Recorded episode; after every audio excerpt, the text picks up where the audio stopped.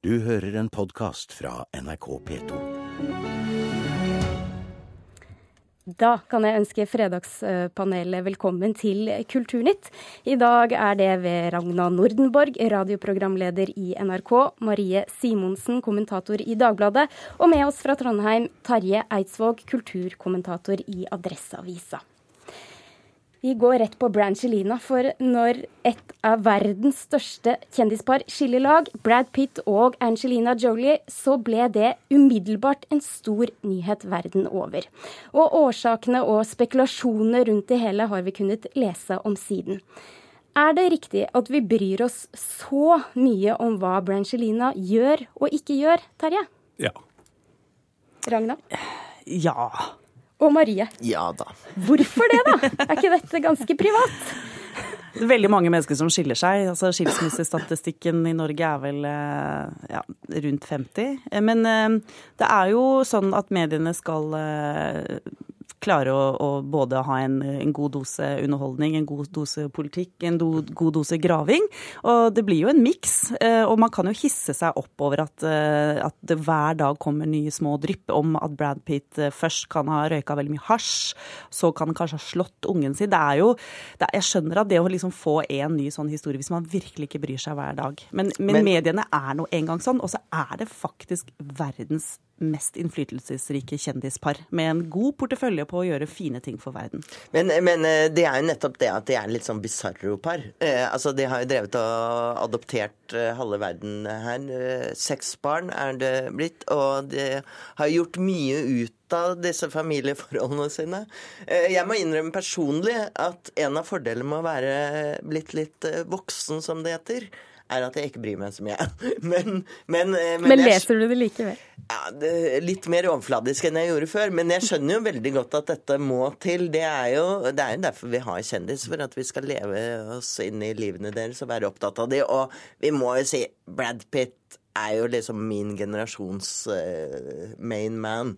Så han og George Clooney er det vi bryr oss om.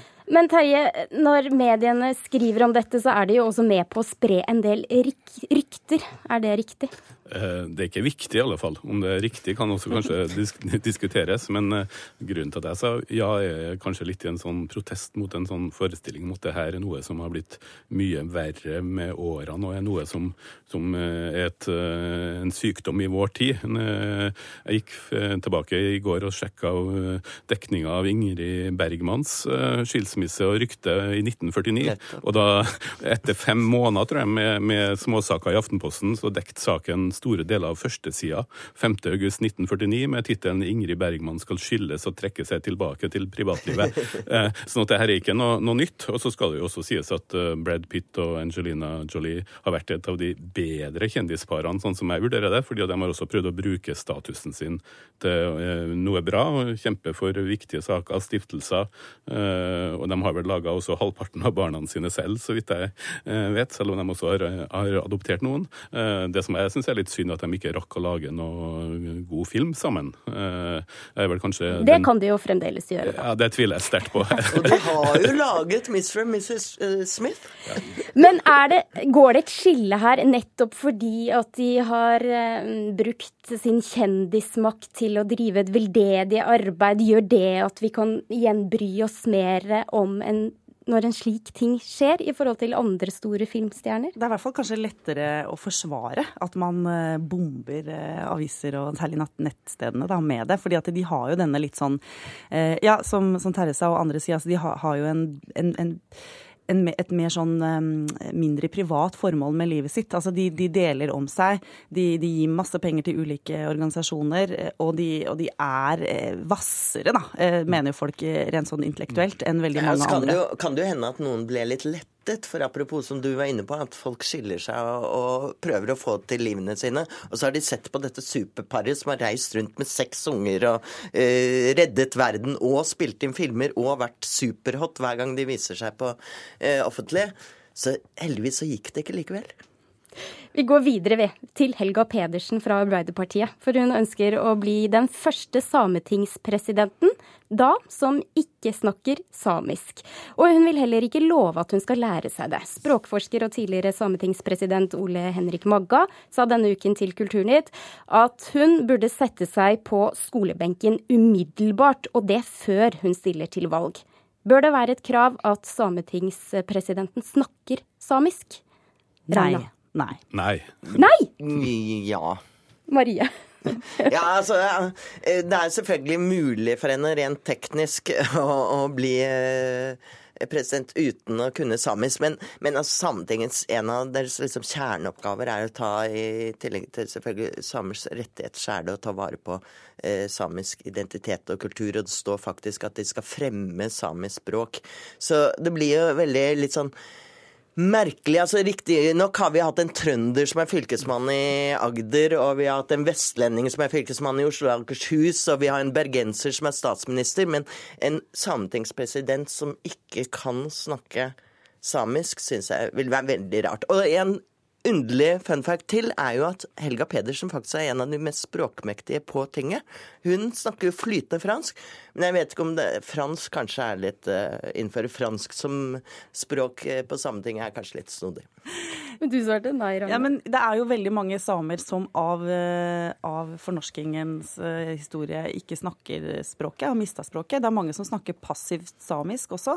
De skjønner det, men de tør ikke helt.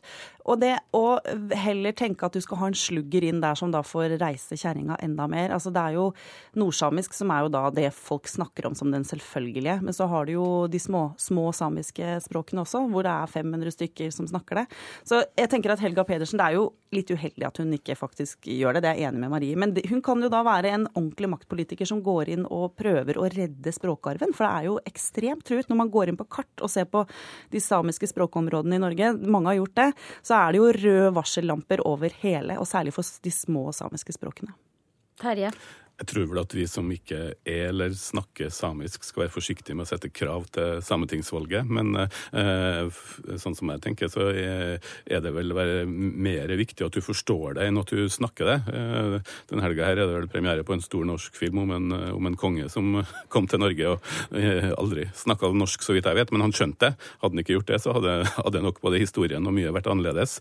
Eh, men så tror jeg jo også at det her selvfølgelig bør og vil eh, spille inn i valget. Men eh, at det bør være et krav at hun snakker språket, eh, syns jeg er vanskelig å Hva mener du med at Håkon ikke snakket norsk? Han snakket jo akkurat sånn som meg. snakket nydelig riksmål. Ja. Litt mer aksent. Men hadde det vært bedre om hun ikke var så ærlig? Altså Hun sier da til Kulturen at hun kan jo tross alt en del. Undergraver hun sin egen kunnskap litt her også? Tror du det? Det er mulig at jeg, jeg, når jeg hører på disse argumentasjonene, skal være litt sånn umarisk, holdt på å si, og, og, og, omvende meg. At, at, jeg kanskje var litt vel streng. Men, men det er klart at, at, dette må jo selvfølgelig, som dere er inne på, at sammen må uttale seg om dette med større kompetanse enn meg.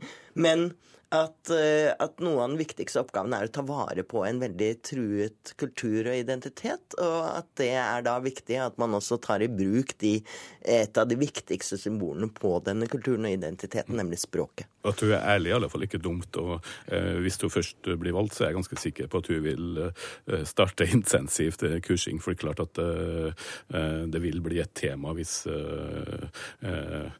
hvis hun skal representere noen og, og ikke, ikke behersker i alle fall litt sånn basic eh, del av språket. Vi hopper videre til russen og russelåter med seksuelt innhold.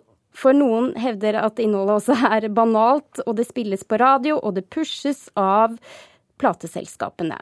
Eh, NRK P3 sier at jo, dette er noe vi skal eh, spille, og før dere får deres spørsmål, så kan vi høre et lite knippe. Jeg ja, vært på fylla 24-7, og i kveld er det lov å være hore. Du sa meg, baby, kom og ta meg en gang til. Vi sa hun var litt ensom og ville være med hjem. Det siste som hun Fiksa ifra gekko, skal røske deg i trusa, rive av deg blusa. Jeg har